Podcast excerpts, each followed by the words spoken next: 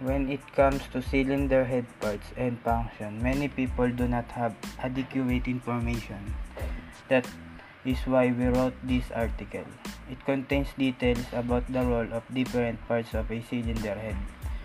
We also included images for the cylinder head components to help you understand them be better. A cylinder head may look simple from outside. However, it is a complex structure containing port and spacer to hold different components. Here are picture of cylinder head, parts names and the function of others.